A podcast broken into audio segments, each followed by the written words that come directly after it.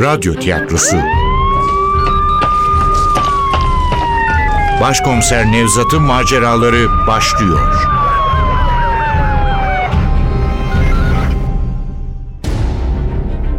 İstanbul Hatırası. Eser Ahmet Ümit. Radyoyu uyarlayan Safiye Kılıç. Seslendirenler Başkomiser Nevzat Nuri Gökaşan Namık Hakan Vanlı Efektör Ufuk Tangel Ses Teknisini Can Erdoğan Yönetmen Aziz Acar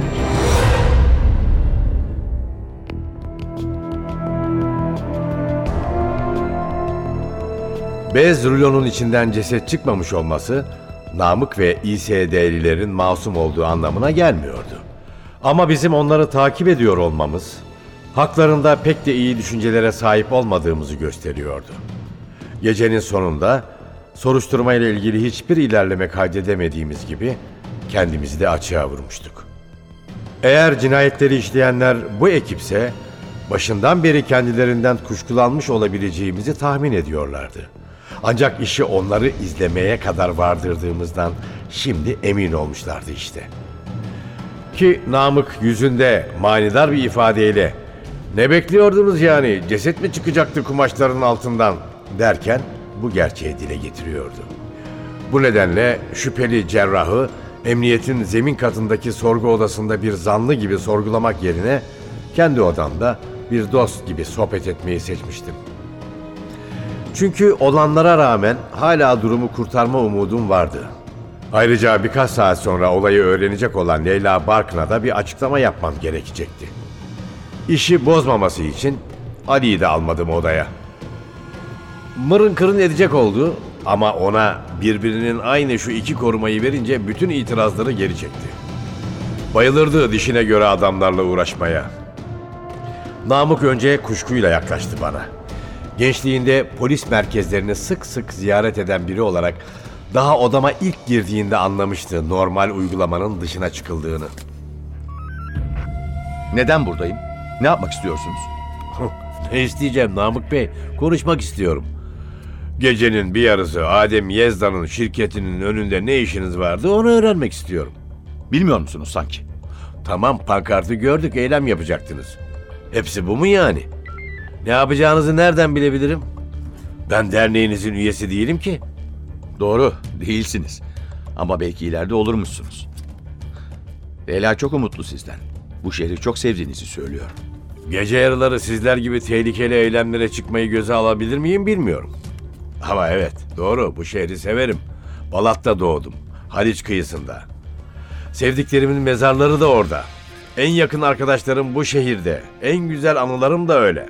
Gördüğünüz gibi işim de burada. Ve kısmetse bu şehirde ölmeyi isterim. Yani Leyla Hanım'ın söylediği gibi İstanbul'u pek severim. Kusura bakmayın. Emniyet müdürlüklerinde böyle iyi muameleye alışkın değilim de. Dünya değişiyor, biz de değişiyoruz tabii. Siz değişmediniz mi yani? Değiştik ama sizin buna inandığınızı pek sanmıyorum.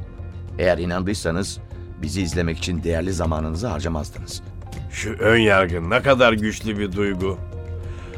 Öyle bakmayın yüzüme Namık Bey. Eminim siz de bilirsiniz. Değişimin en büyük düşmanı ön yargıdır. Bize karşı peşin hükümlü davranıyorsunuz diyorum. Tamam, haklı nedenleriniz olabilir. Dosyanızı okudum. Geçmişte hoş olaylar yaşamamışsınız polislerle. Ama onlar eskide kaldı. O zaman niye düştünüz peşimize? Sizin peşinizde değildik ki. Gecenin o saatinde ne arıyordunuz Dersaadet Turizm'in önünde? Kapalı şirketi koruyorduk demeyin bana. Niye Adem Yezda'nın şirketini koruyalım? Biz Leyla Hanım'ın güvenliğini almaya çalışıyorduk. Leyla'nın mı? Bizim Leyla'nın mı? Başka kim olacak Leyla Hanım tabii. Bugün olanları size anlatmadı mı? Şu Kesikbaş hikayesi mi? Hikayesi mi? Namık Bey, bir insanı öldürüyorlar, başında Leyla Hanım'a yolluyorlar. Durumun ciddiyetini anlamıyor musunuz? Yani yani o Kesikbaş tehdit miydi? Ama kutunun üzerinde Leyla'nın adı yazmıyormuş ki. Topkapı Müzesi Müdürlüğü'ne yollanmış. Ne yani, bu bizi rahatlatmalı mı? Tam beş kişi öldürüldü. Dört günde tam beş kişi. Bunlardan biri de Leyla Hanım'ın eski eşi. Kargo paketinin üzerinde Leyla Barkın değil de müdür yazdığı için bunu tehdit saymamamız mı gerekir? Sizi bilmem ama biz bunu göze alamazdık. Yani siz Leyla'nın güvenliğini alıyordunuz. Sonunda anlamanıza sevindim. Leyla'yı bırakıp bizim peşimizden niye geldiniz o zaman? Leyla Hanım'ı bıraktığımızı kim söyledi? Evin etrafında sadece bir ekibin bulunduğunu mu sanıyorsunuz? Başka bir ekip daha mı var? Bir ekip olur mu? Oyun mu oynuyoruz burada Namık Bey? Geride üçerden altı kişilik iki ekip bıraktık. Belki de dikkatinizi çekmiştir ama kondurmamışsınızdır. Bizimkiler çok iyi gizlenir. Ee, hatırlayamadım. Gerçekten iyi gizlenmiş olmalılar. Neyse, ne içersiniz size ne ikram edeyim? Bizden hiç kuşkulanmadınız mı Nevzat Bey? Kuşkulandım. Benim yerimde olsaydınız siz de kuşkulanırdınız. Neden? Çünkü katillerin amacıyla derneğinizin amacı aynı. Öyle şaşırmış gibi bakmayın. Leyla Hanım bahsetmiştir. Kurbanların hemen hepsi tarihi yarımada ile ilgili inşaat işlerine bulaşmışlar. Neredeyse hepsi bilirkişi heyetinde yer almış. Sadece üçüncü kurban Şadan Duruca bu işlerin dışında. Şadan Duruca Adem'in adamıydı. Onun basındaki tetikçisi. Onun yaptığı yolsuzlukları açıkça öven tek gazeteci. Bunun karşılığında dünyanın parasını alıyordu Adem'den. E bakın, siz de nefret ediyorsunuz adamdan. Eminim öteki kurbanları da pek sevmezdiniz. Mesela son kurban Fazlı Gümüş. Evet, o da alçağın tekiydi. En çok onun döneminde yağmalandı Suriçi. Onun döneminde verilen yapım izinleri yüzünden beş insan hayatını kaybetti. Adem Yezda'nın şirketiyle birlikte Fazlı da yargılandı o davadan. Her türlü ayak oyununa başvurarak sonunda mahkemeye etkilemeyi başardılar. Hakimler beraat kararı verdi ama biz yılmadık. Davayı yargıtaya kadar taşıdık. Karar bozuldu, şimdi yeniden yargılanacaklar. Bu geceki afişe asmamızın nedeni de mahkemenin yeniden başlayacak olmasıydı. Adem Yezda'nın bu defa kirli yüzünü gizlemesine fırsat vermeyeceğiz. Demek istediğim işte bu. Kurbanların neredeyse hepsi bu tarihi yağmaya katılmış insanlar. Sizin derneğiniz de hem bu yağmalara hem de bu işi yapan adamlara karşı. Ya birileri bu cinayetleri bizim üzerimize yıkmaya çalışıyorsa? Yapmayın. Derneğiniz o kadar etkili mi? Haklısınız. Henüz o kadar etkili değiliz. Peki şöyle olamaz mı? Diyelim ki bu işin içinde olan biri davanın yeniden görülecek olmasından hiç memnun değil.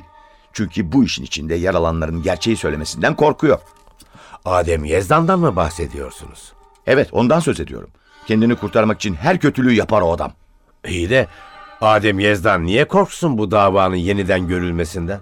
Bu davayı kaybederse sadece yiyenleri hapse girmekte kalmayacak. Kendisi de trilyonlar kaybedecek. Yeğenleri neden hapse girecekmiş? Çünkü Dersaadet bir anonim şirket. Adem Yezdan gölgedeki adam. Yasal hiçbir sorumluluğu yok. Mahkeme Dersaadet'i suçlu bulursa en büyük erdemleri amcalarına sadakat olan genç yeğenleri boylayacak hapsi. Demek Dersaadet anonim şirketti. Şimdi anlaşılıyordu Zeynep'in bu davayı neden atladığı. O Dersaadet'i değil, Adem Yezdan'ı araştırmıştı. Oysa dava şirket yöneticileri için açılmıştı. O nedenle bu davada yer alan kişileri tek tek öldürüyor. Bir dakika, bir dakika. Kurbanların hepsinin bu davayla ilgili olduğunu mu söylüyorsunuz? Onu siz söylediniz. Hayır ben öyle bir şey demedim. Sadece kurbanların Sultanahmet'teki inşaatlarla ilgili olduğunu söyledim. Bildiğiniz bir şey varsa saklamayın lütfen. Bilgi falan saklamıyorum. Kurbanların o davada yer alan kişiler olduğundan emin değilim. Ama bu davayla ilgili çıkarlarsa da hiç şaşırmam. Size de onu anlatmaya çalışıyorum. Eğer bu beş kişi davayla ilgiliyse, eğer onların verecekleri ifade önemliyse, Adem Yezdan bu kişileri ortadan kaldırtıp bunu da bizim üzerimize atmayı düşünmüş olabilir. Bütün o hükümdarlar, sikkeler, tarihi anıtlar, dikkatleri üzerimize çekmek için yapılan sahte ritüeller olabilir.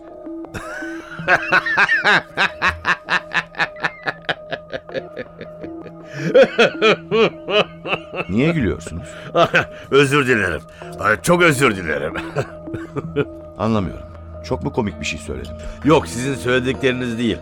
Adem Yezdan da sizin hakkınızda aynı şeyleri söyledi. Verebir değil tabii. Ama sizin katil olduğunuzdan adı gibi emindi. Alçak herif! Asıl katil kendisi. İlginç tezleri var aslında. Ona göre bu cinayetleri işlemenizin bu kentin tarihiyle hiçbir ilgisi yok. Ben cinayet falan işlemedim. Adem Yezdan'a göre diyor. Bu cinayetleri aslında kıskançlık yüzünden işlemişsiniz. Kıskançlık mı? Öyle söyledi. Güya Leyla Hanım sizden ayrılmak istiyormuş. Necdet'le yeniden bir araya gelmeyi düşünüyormuş. Alçak herif. Yalancı alçak. Hatta birkaç gün Necdet'in evinde kalmış. Bir sabah bizzat gördüm dedi. Güya üzerinde de Necdet'in pijaması varmış. Alçak herif. Nasıl da çarpıtıyor. Neyi çarpıtıyor? Leyla ile kavga ettiğimiz doğru. Fakat Leyla beni bırakacağı için değil. Anlatılacak mesele değil bunlar. Namussuzlar özel hayatımıza da el attılar.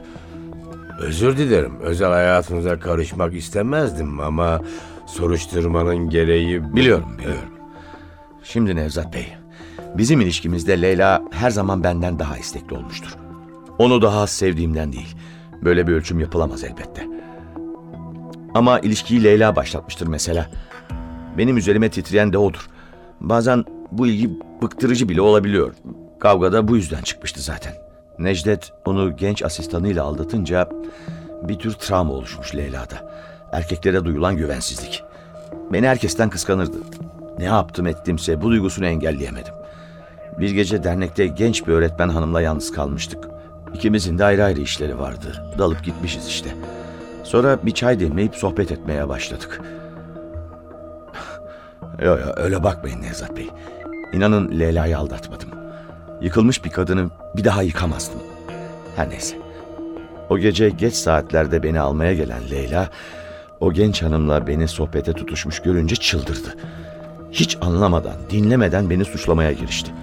Vakit gece yarısı, yorgundum, tahammülüm azalmış. Ben de biraz sert çıktım.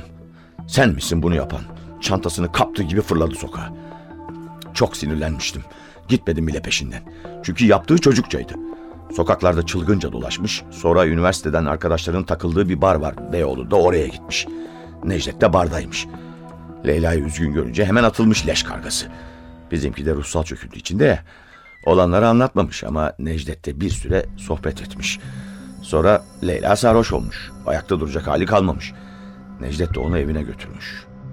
İşte Adem Yazdan alçağının sabah pijamayla gördüğüm dediği olay budur. Leyla da onu görmüş tabii. Görür görmez de anlamış yaptığı hatayı. Kahvaltı bile yapmadan ayrılmış evden. İlk iş olarak da bana geldi. Özür dileyerek anlattı olup biteni. Çünkü bu namussuzların dedikodu yapacaklarını çok iyi biliyordu. Bak işte size neler anlatmış. Çok güzel bir hava var dışarıda. Çok da güzel kokuyor. Yakınlarda bir bahçe olmalı.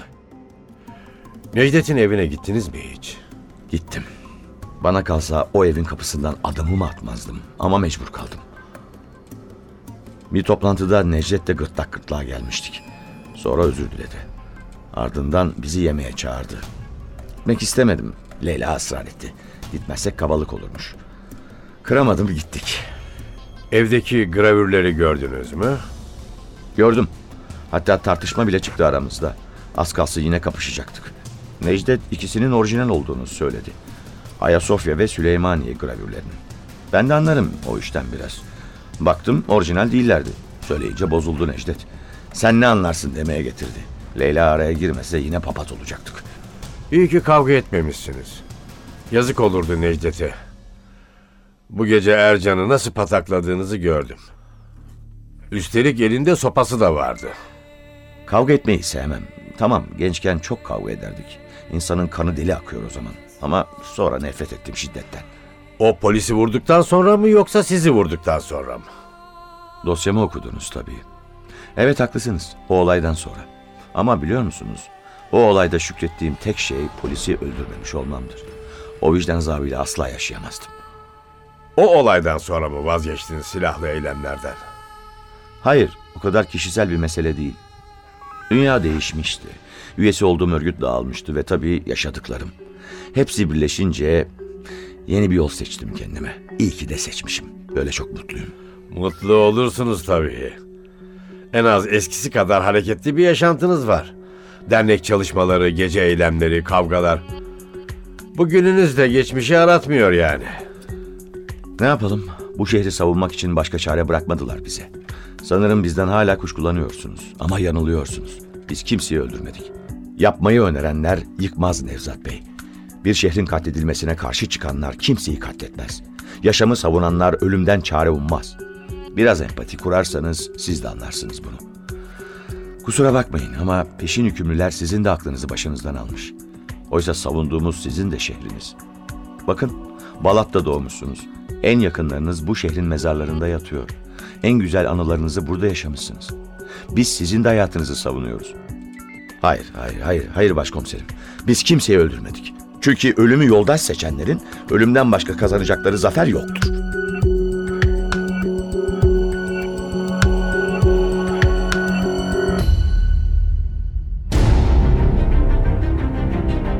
İstanbul Hatırası Eser Ahmet Ümit Radyoyu uyarlayan Safiye Kılıç.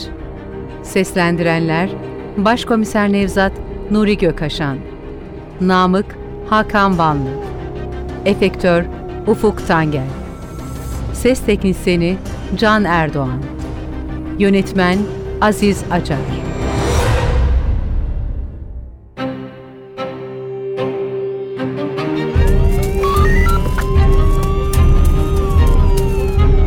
Radyo tiyatrosu. Başkomiser Nevzat'ın maceraları